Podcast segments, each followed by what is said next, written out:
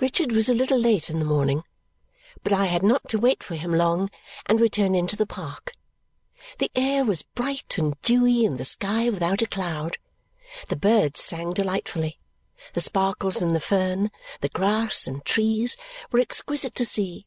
The richness of the woods seemed to have increased twentyfold since yesterday, as if in the still night when they had looked so massively hushed in sleep, nature, through all the minute details of every wonderful leaf, had been more wakeful than usual for the glory of that day. "This is a lovely place," said Richard, looking round.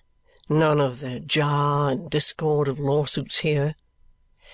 But there was other trouble. "I tell you what, my dear girl," said Richard, "when I get affairs in general settled, I shall come down here, I think, and rest." "Would it not be better to rest now?" I asked. "Oh! As to resting now," said Richard, "or as to doing anything very definite now, that's not easy. In short, it can't be done. I can't do it, at least." "Why not?" said I. You know why not, Esther. If you were living in an unfinished house, liable to have the roof put on or taken off, to be from top to bottom pulled down or built up, to morrow, next day, next week, next month, next year, you would find it hard to rest or settle. So do I. Now? There's no now for us suitors. I could almost have believed in the attraction on which my poor little wandering friend had expatiated when I saw again the darkened look of last night.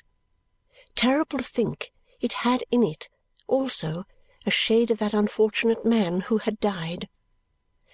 "My dear Richard," said I, "this is a bad beginning of our conversation." "I knew you would tell me so, Dame Durden." "And not I alone, dear Richard. It was not I who cautioned you once never to found a hope or expectation on the family curse. There you come back to John Jarndyce," said Richard impatiently. "Well, we must approach him sooner or later, for he is the staple of what I have to say, and it's as well at once. My dear Esther, how can you be so blind? Don't you see that he is an interested party and that it may be very well for him to wish me to know nothing of the suit and care nothing about it, but that it may not be quite so well for me? "Oh, Richard!" I remonstrated. "Is it possible that you can ever have seen him and heard him, that you can ever have lived under his roof and known him, and can yet breathe, even to me in this solitary place where there is no one to hear us, such unworthy suspicions?" He reddened deeply, as if his natural generosity felt a pang of reproach. He was silent for a little while before he replied in a subdued voice, "Esther, I am sure you know that I am not a mean fellow and that I have some sense of suspicion and distrust being poor qualities in one of my years." "I know it very well," said I. "I am not more sure of anything." "That's a dear girl," retorted Richard, "and like you, because it gives me comfort. I had need to get some scrap of comfort out of all this business, for it's a bad one at the best, as I have no occasion to tell you." "I know perfectly," said I. "I know as well, Richard what shall I say? as well as you do that such misconstructions are foreign to your nature, and I know as well as you know what so changes it." "Come, sister, come!"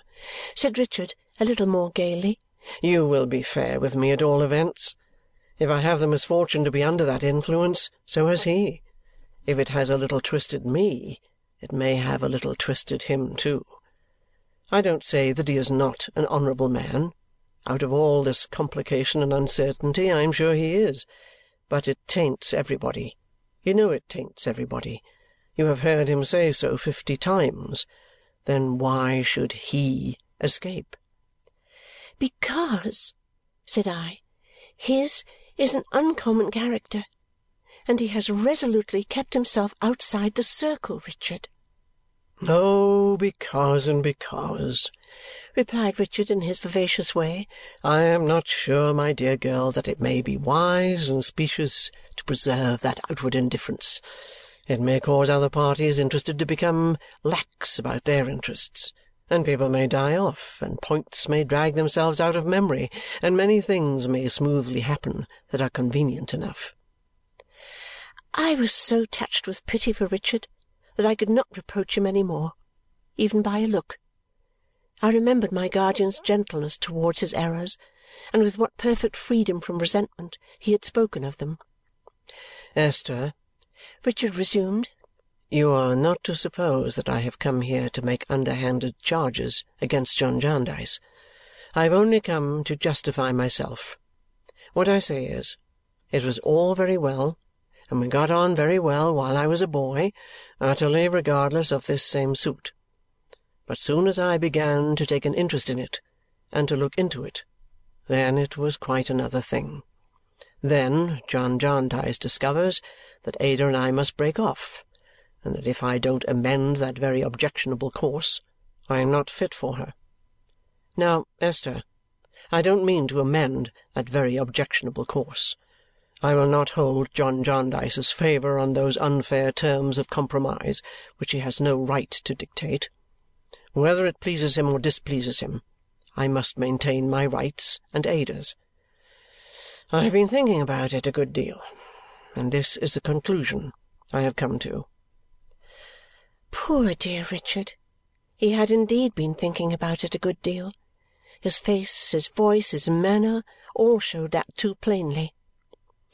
So I tell him honourably you ought to know I have written to him about all this that we are at issue and that we had better be at issue openly than covertly. I thank him for his good will and his protection, and he goes his road, and I go mine. The fact is, our roads are not the same. Under one of the wills in dispute, I should take much more than he.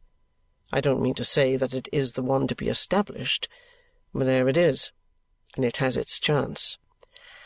I have not to learn from you, my dear Richard, said I, of your letter I had heard of it already without an offended or angry word.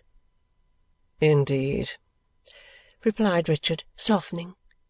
I am glad I said he was an honourable man out of all this wretched affair, but I always say that and have never doubted it.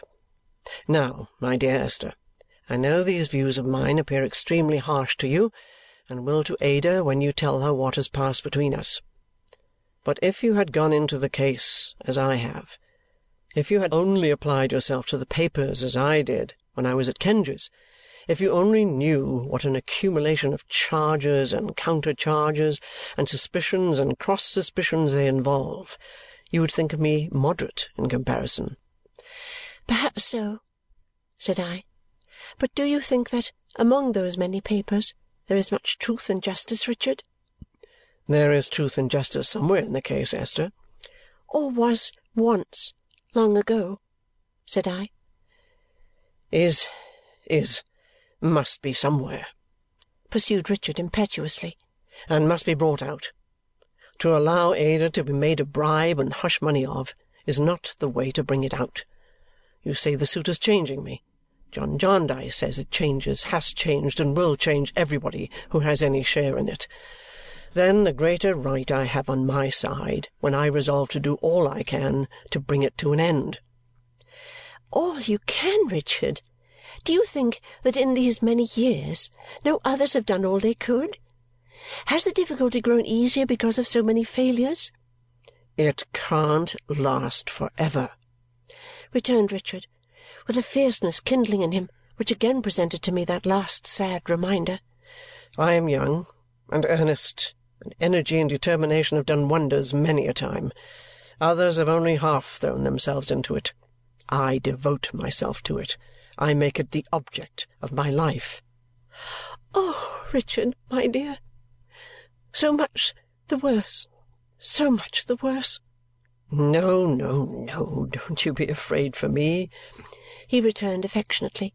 You're a dear, good, wise, quiet, blessed girl but you have your prepossessions. So I come round to John Jarndyce.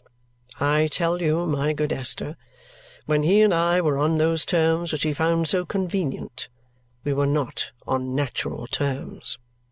Are division and animosity your natural terms, Richard? No, I don't say that. I mean that all this business puts us on unnatural terms, with which natural relations are incompatible. See another reason for urging it on. I may find out, when it's over, that I have been mistaken in John Jarndyce. My head may be clearer when I am free of it, and I may then agree with what you say to-day. Very well. Then I shall acknowledge it and make him reparation. Everything postponed to that imaginary time. Everything held in confusion and indecision until then. Now, my best of confidants, said Richard, I want my cousin Ada to understand that I am not captious, fickle, and wilful about John Jarndyce, but that I have this purpose and reason at my back. I wish to represent myself to her through you, because she has a great esteem and respect for her cousin John, and I know you will soften the course I take, even though you disapprove of it. And uh, and in short, said Richard, who had been hesitating through these words, I I don't like to represent myself in this litigious, contentious, doubting character to a confiding girl like Ada. I told him that he was more like himself in those latter words than in anything he had said yet. Why, acknowledged Richard, that may be true enough, my love. I rather feel it to be so. But I shall be able to give myself fair play by and by. I shall come all right again, then, don't you be afraid. I asked him if this were all he wished me to tell Ada. Not quite, said Richard. I am bound not to withhold from her that John Jarndyce answered my letter in his usual manner, addressing me as my dear Rick, trying to argue me out of my opinions and telling me that they should make no difference in him. All very well, of course, but not altering the case. I also want Ada to know that if I see her seldom just now, I am looking after her interests as well as my own, we two being in the same boat exactly and that I hope she will not suppose from any flying rumours she may hear that I am at all light-headed or imprudent. On the contrary, I am always looking forward to the termination of the suit, and always planning in that direction. Being of age now, and having taken the step I have taken, I consider myself free from any accountability to John Jarndyce. But Ada being still a ward of the court, I don't yet ask her to renew our engagement. When she is free to act for herself, I shall be myself once more, and we shall both be in very different worldly circumstances, I believe. If you tell her all this with the advantage of your considerate way, you will do me a very great and a very kind service, my dear Esther, and I shall knock Jarndyce and Jarndyce on the head with great vigour. Of course I ask for no secrecy at Bleak House. Richard, said I, you place great confidence in me but I fear you will not take advice from me. It's impossible that I can on this subject, my dear girl. On any other, readily. As if there were any other in his life. As if his whole career and character were not being dyed one colour. But I may ask you a question, Richard? I think so, said he, laughing. I don't know who may not, if you may not. You say yourself you are not leading a very settled life. How can I, my dear Esther, with nothing settled? Are you in debt again? Why, of course I am, said Richard, astonished at my simplicity. Is it of course? My dear child, certainly. I can't throw myself into an object so completely without expense. You forget, or perhaps you don't know, that under either of the wills Ada and I take something. It's only a question between the larger sum and the smaller. I shall be within the mark anyway. Bless your heart, my excellent girl, said Richard, quite amused with me. I shall be all right. I shall pull through, my dear.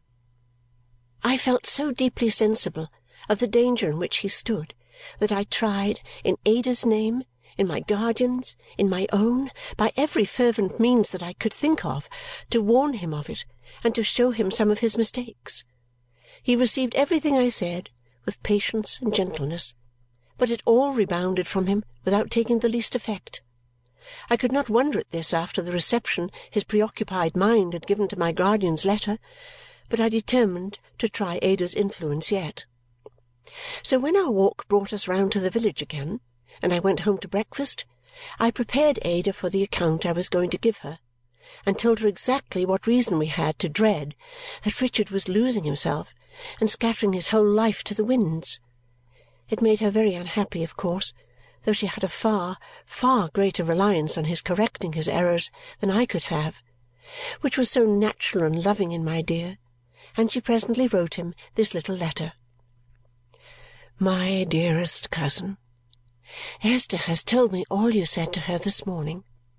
I write this to repeat most earnestly for myself all that she said to you and to let you know how sure I am that you will sooner or later find our cousin John a pattern of truth, sincerity, and goodness when you will deeply, deeply grieve to have done him, without intending it, so much wrong. I do not quite know how to write what I wish to say next, but I trust you will understand it as I mean it. I have some fears, my dearest cousin, that it may be partly for my sake you are now laying up so much unhappiness for yourself, and if for yourself, for me. In case this should be so, or in case you should entertain much thought of me in what you are doing, I most earnestly entreat and beg you to desist. You can do nothing for my sake that will make me half so happy as for ever turning your back upon the shadow in which we both were born. Do not be angry with me for saying this. Pray, pray, dear Richard, for my sake and for your own, and in a natural repugnance for that source of trouble which had its share in making us both orphans when we were very young, pray, pray, let it go for ever. We have reason to know by this time that there is no good in it and no hope, that there is nothing to be got from it but sorrow. My dearest cousin, it is needless for me to say that you are quite free and that it is very likely you may find some one who you will love much better than your first fancy.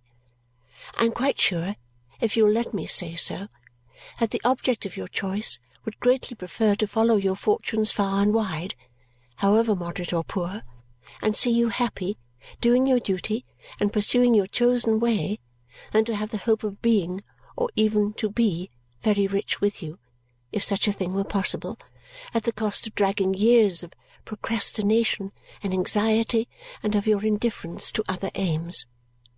You may wonder at my saying this so confidently, with so little knowledge or experience, but I know it for a certainty from my own heart. Ever, my dearest cousin, your most affectionate, Ada.